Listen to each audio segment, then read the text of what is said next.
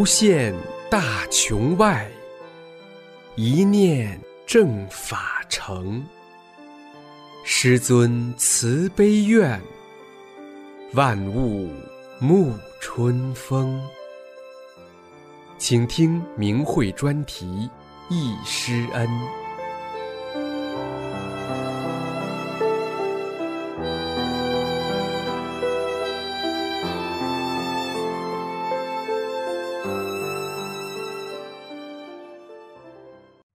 请听明慧忆师恩专题文章，题目是《忆师恩发生在我身上的得与失》，作者成都大法弟子。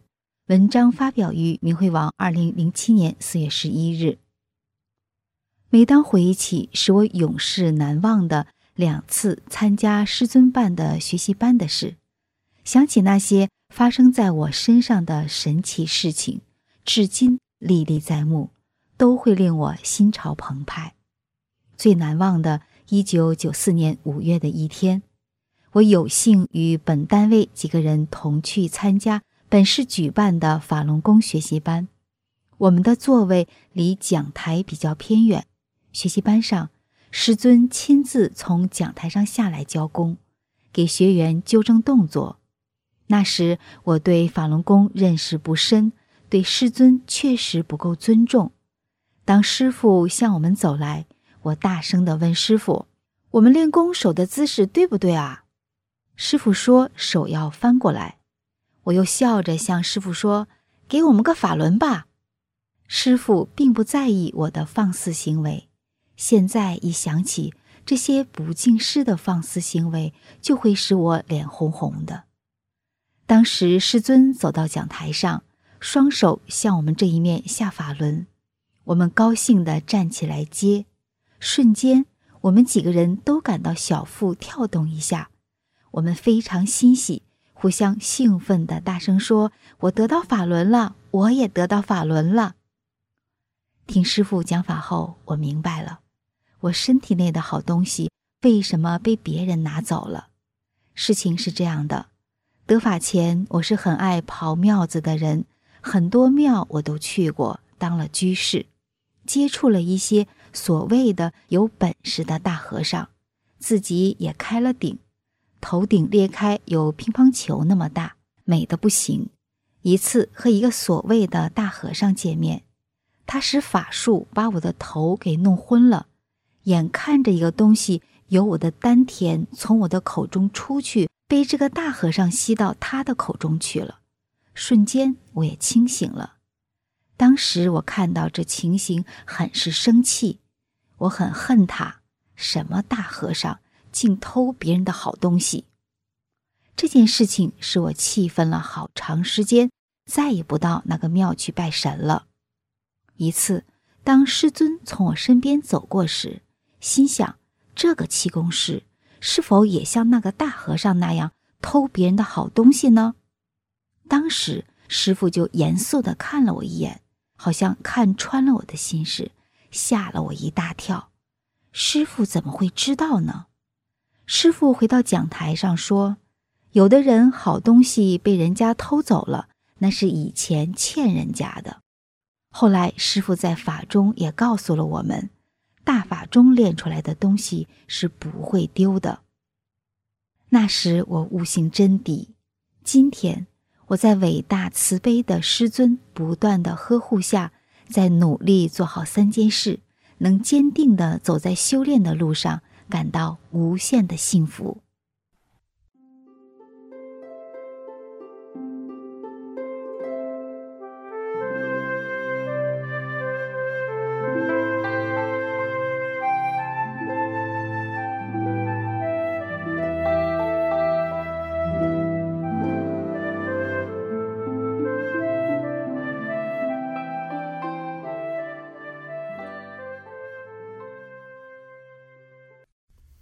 请听明慧易师恩专题文章，题目是《易师尊广州传功讲法点滴》，作者东北大法弟子明玄。文章发表于明慧网，二零零八年二月二十二日。看了同修的易师恩，心情久久不能平静。一九九四年十二月份，参加广州最后一期师傅传功讲法学习班的情景，记忆犹新，往事历历在目。有责任把我们所见所感之点滴写出来，留给后人，万代传颂。一四方同时呈现师傅向学员传功讲法，师傅的高大形象、慈悲面容，使人感到和蔼可亲。平易近人。当我们第一眼见到恩师时，有一种似曾相识的感觉。师傅阐述的修炼法理，不时地博得学员们的阵阵掌声。能够直接听到师傅传功讲法，这段时间是非常可喜的，是我们有生以来感到最幸福的时刻。师傅传功讲法时，体育馆的四周全都坐满了学员弟子。我当时就想，要是坐在师傅身边，或坐在面向师傅的正面，聆听师傅的讲法，该多好啊！可惜我们坐在师傅的后面，而且离师傅又比较远。师傅竟知道我们所想，看透了我们的心。就听师傅说，不管坐在任何位置都一样。此语一出，我就看到四个方向同时出现师傅在传功讲法。都是面向学员弟子，神奇，太神奇了！体育馆四面，不论坐在哪一面的学员，都在同时面对着师傅的正面，在聆听着，沐浴在佛光普照之中。师傅讲法传功过程中，师傅所坐的位置上，同时还显现出身披黄色袈裟的三尊大佛的形象。修炼后，真正明白。世间的无神论是彻头彻尾的愚弄世人，造成今日人类道德迅猛下滑的根子所在，是真正坑害人的歪理邪说。二路遇奇事，下雨衣不湿。有一天，我们听完师傅讲法，回旅馆的路上，我与几个同修边走边谈学法体会，抬头看到迎面而来的汽车被对面的汽车灯光一晃。车窗外面的雨刷器在来回摆动着，雨水顺着车玻璃直往下淌。这才知道天正在下着雨，淅淅沥沥还不小，马路上都湿了。而我们所走之处是无雨的，一直回到旅馆，衣服竟没湿一点。三，师傅给学员调整身体。我是因身体不好走入修炼的，学习班上。师傅为学员调整身体，让大家站起来，身体放松，放松，想自己的病处，自己没病的想一想家中有病的亲人，先一起跺右脚，然后再一起跺左脚。只见师傅的大手唰的一下，把所有人的不好的东西都举在手里，就看从师傅的手里直往下滴黑汤，往地上一扔时，用脚一踩。就听“吧”的一声，我们有生以来未曾有过的那种感觉。正如师傅在《转法轮》第七十八页上所说：“昨天我把大家身体上不好的东西摘掉后，我们大多数人感到一身轻，身体非常舒服。”在学习班上，师傅还说：“我不用动手给你治，我看你一眼，功就打过去了。”当时师傅真的看我一眼，我立刻感到一股热流从头顶直通脚底，唰的一下，全身通透，身体得以净化。随着师傅的讲法，我知道这是在给真修的弟子们灌顶。四净土，这次参加师傅在广州传功传法学习班的学员，天南海北哪的都有，有新疆的、黑龙江的、内蒙古的。通过几天的听法，人们的世界观都发生了根本性的变化。这期间，拾到钱的、拾到表的、拾到金项链的，没有不交上来的。这与当前中国社会上那种为了钱财什么坏事都敢做的世风日下的风气形成了鲜明的对照。还有的地区人员来得早，带的钱不够用了，晚来的学员带钱多的学员。都主动的解囊相助，帮助遇到困难的学员，为他人着想，蔚为大观。师傅的传功传法学习班办到哪里，哪里就会亮出这道道风景线。难怪不修炼的常人纷纷说，我们师傅传的转法轮是一部高德大法。真学法轮功的都是好人，法轮功那里可真是一片净土。五，降龙献瑞，一财分成。一天傍晚，我们几个人在旅馆内学习师傅当天讲法及切磋个人收获，就听外面有的学员喊，说是空中出现两条龙。我们随着人们上到旅馆的顶楼，向上空张望，在正对旅馆楼顶的空中。却有两条白色的龙盘旋在一起，连龙须子我们都看得清清楚楚。回想师傅讲法传功期间，我们看到体育馆的上空始终是一片红光，法轮纷飞，祥龙现瑞，流光溢彩，周边的花草树木争艳斗奇，好一派南国秀丽的景象。我们伟大的师尊向国内国外传法轮功，到现在这段期间，世界各地与中国内陆纷纷出现优昙婆罗花。据佛经记载，优昙婆罗花每三千年开花一次。这种花的出现，意味着将由转轮圣王在人间正法。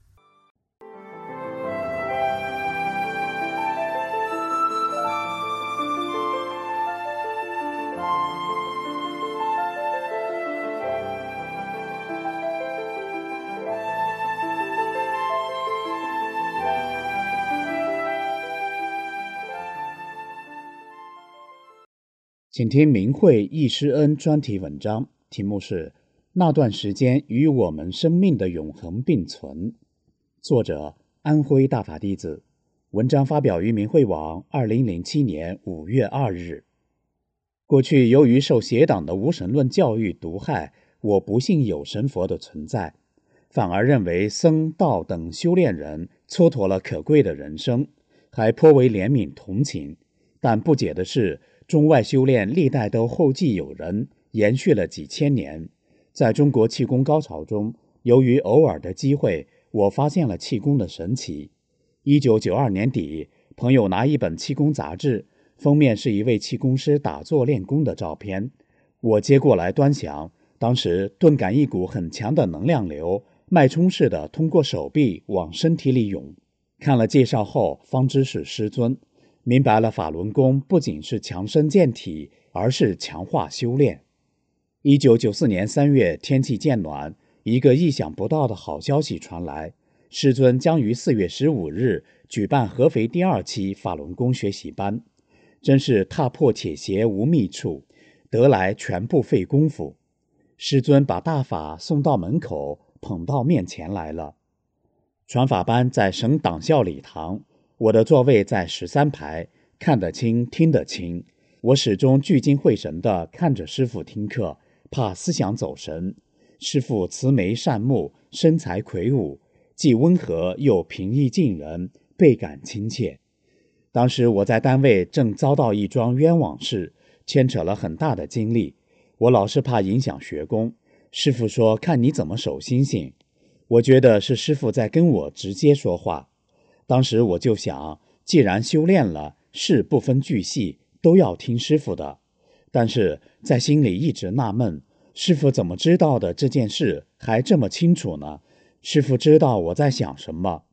讲课中又说有些人是我们挑选来的，这句话师傅说了三次。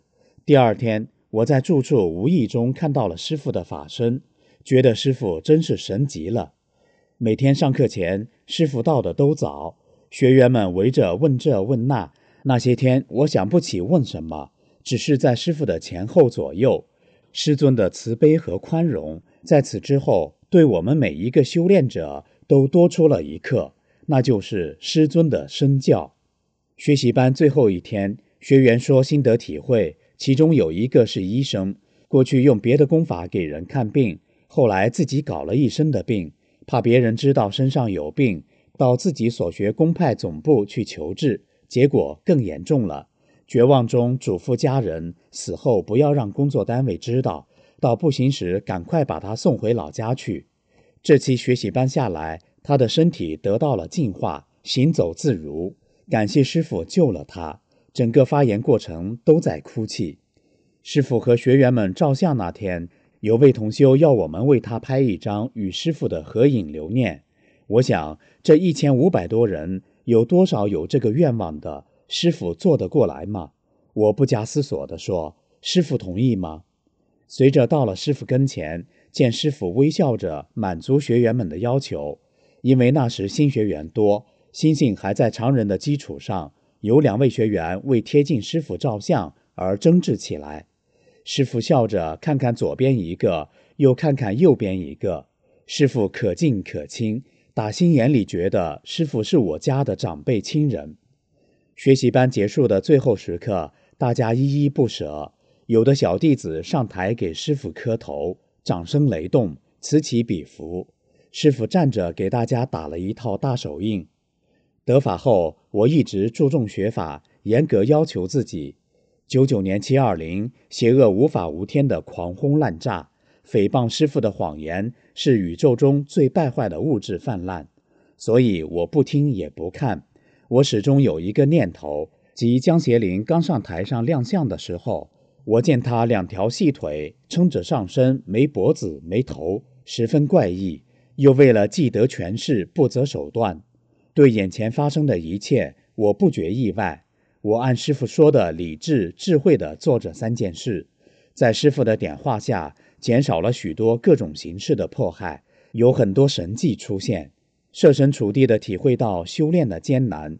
没有师傅的保护，一时一刻都修炼不了。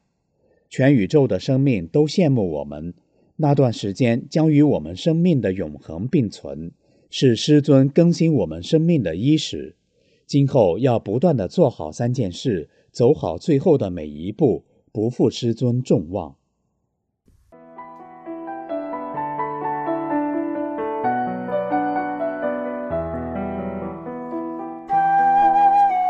您现在收听的是明慧专题《易师恩》。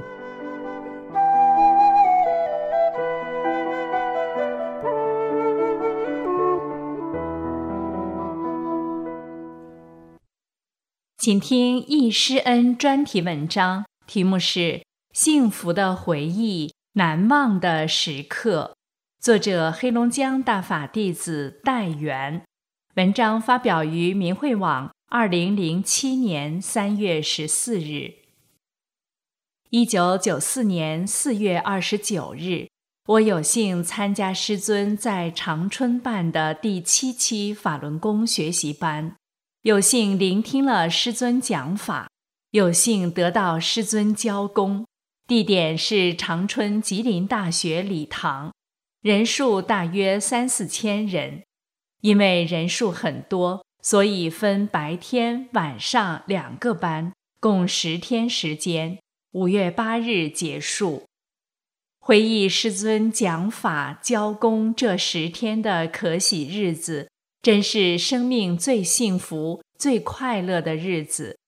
看到师尊那温和、慈祥、慈悲的面容，看上去师尊也就三十多岁，皮肤光润细嫩，白里透红，一头黑发，神采奕奕。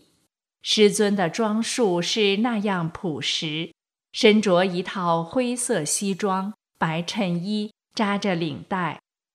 我看到周围放射着紫光，一身正气，那么透明。下面我就把自己看到的师尊传法时的点滴与同修共享，希望能表达我对师尊的无限感激和对自己是正法时期大法弟子称号的珍惜。一进班祛病。学习班的第一天，师尊说：“我们这里是学习班，不治病。我们给学员整体调整身体。”师尊让学员原地起立，并说：“想一种病，放松身体。我喊一二三，跺右脚。师尊右手用力一挥，说：大家一起跺右脚下去。”可有的学员着急，没等师尊喊完口号，就先跺脚，就又重来一次。师尊是那么的耐心。我因为有胃病，当时就想了一下胃，就觉得胃很舒服。我开始在听师尊讲课时觉得很困，自己心想：可别睡着了，叫老师看到了多不好啊，不尊重老师似的。可是怎么也控制不住，还是睡着了。师尊讲完了，我也睡醒了，好像一个字没落。都听进去了，然后听到老师讲，因为他脑袋里边有病，得给他调整，脑袋要调整起来根本受不了，所以必须得让他进入麻醉状态。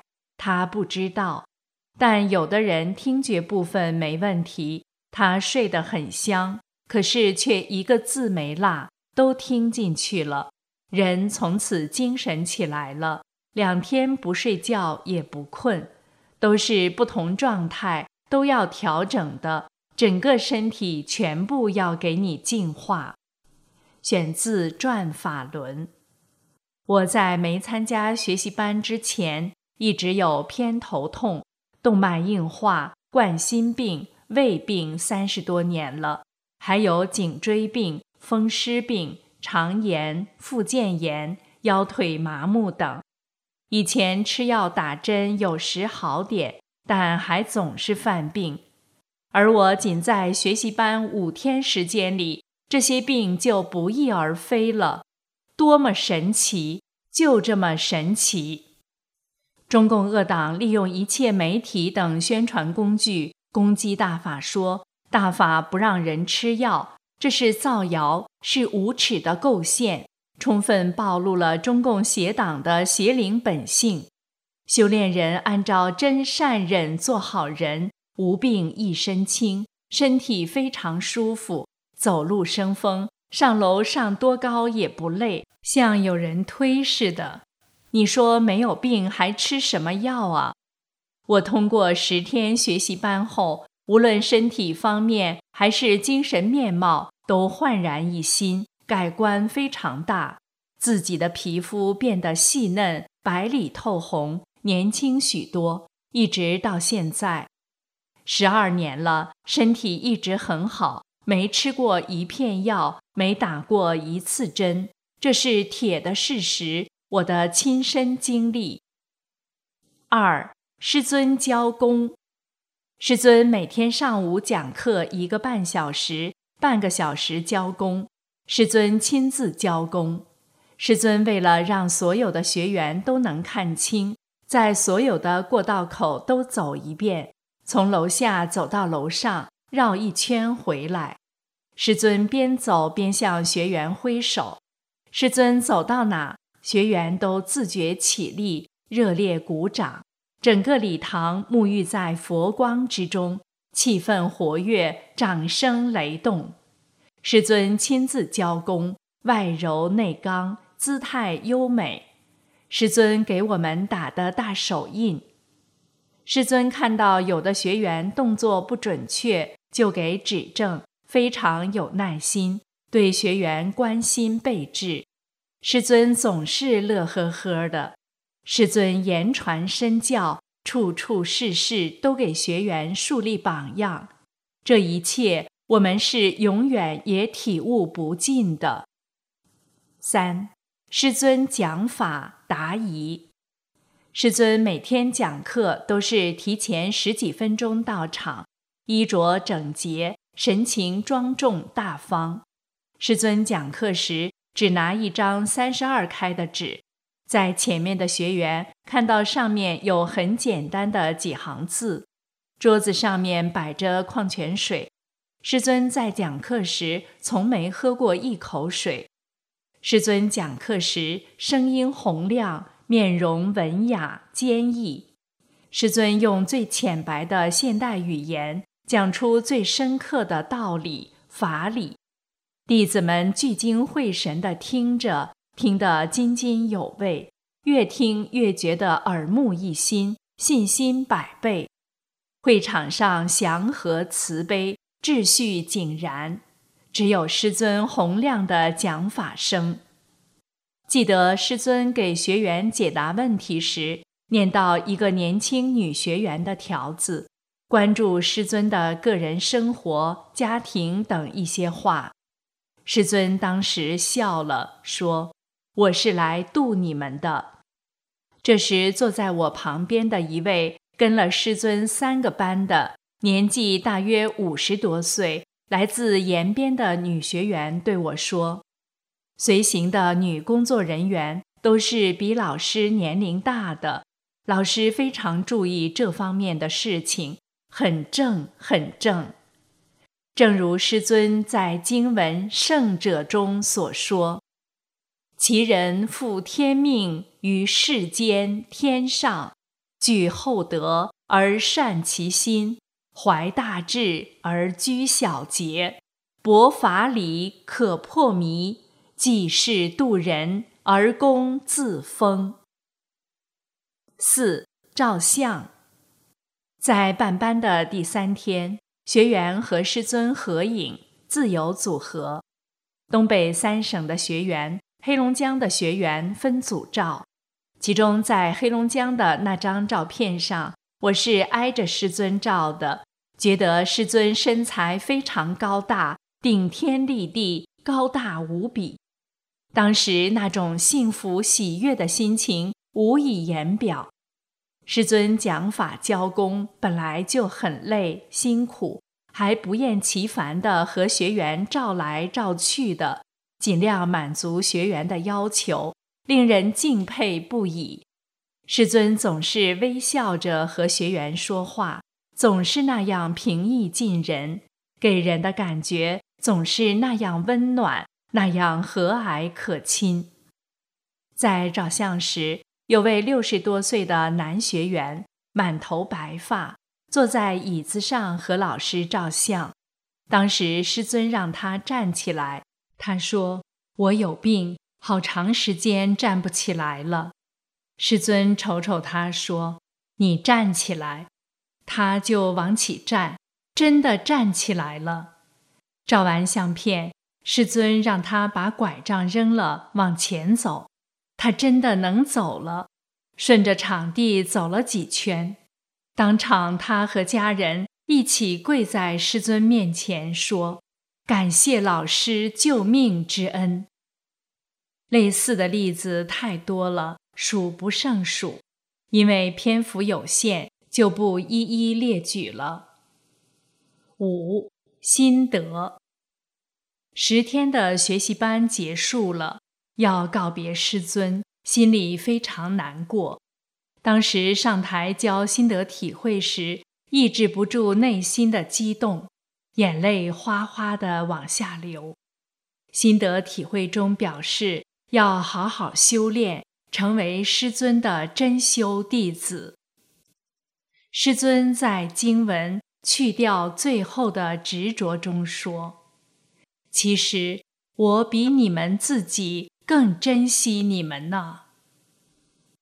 师尊在红吟高处不胜寒中说：“操尽人间事，劳心天上苦。”弟子能体会到的太少太少了。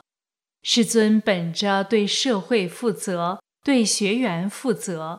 在整个传法传功过程中，都是这样做的。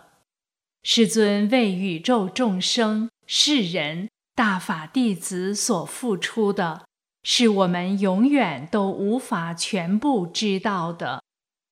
人类的任何语言都无法赞颂师尊的伟大，我们弟子也没有能表达对师尊感激的语言。作为正法时期的大法弟子，就更严肃、更殊胜。在这难忘的时刻，让这幸福的回忆作为修好自己、圆满自己史前大愿的动力。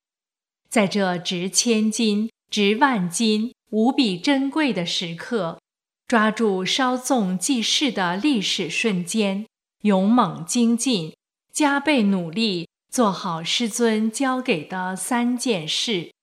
必须学好法，证实好法，救度更多的众生，绝不辜负师尊的慈悲苦度，紧跟师尊修炼圆满回家，让师尊少一分操劳，多一分欣慰。后记：十多年过去了，早就想写出来。由于人的观念障碍着，老怕写不好。几次拿起笔来要写时，总是忍不住哭得写不下去。最近学法，自己从法中悟道，并在同修的鼓励下写了出来，记录下我所看到的伟大的师尊在人间传法的点滴，记录下这段神圣伟大的历史。记录下这无比珍贵的瞬间。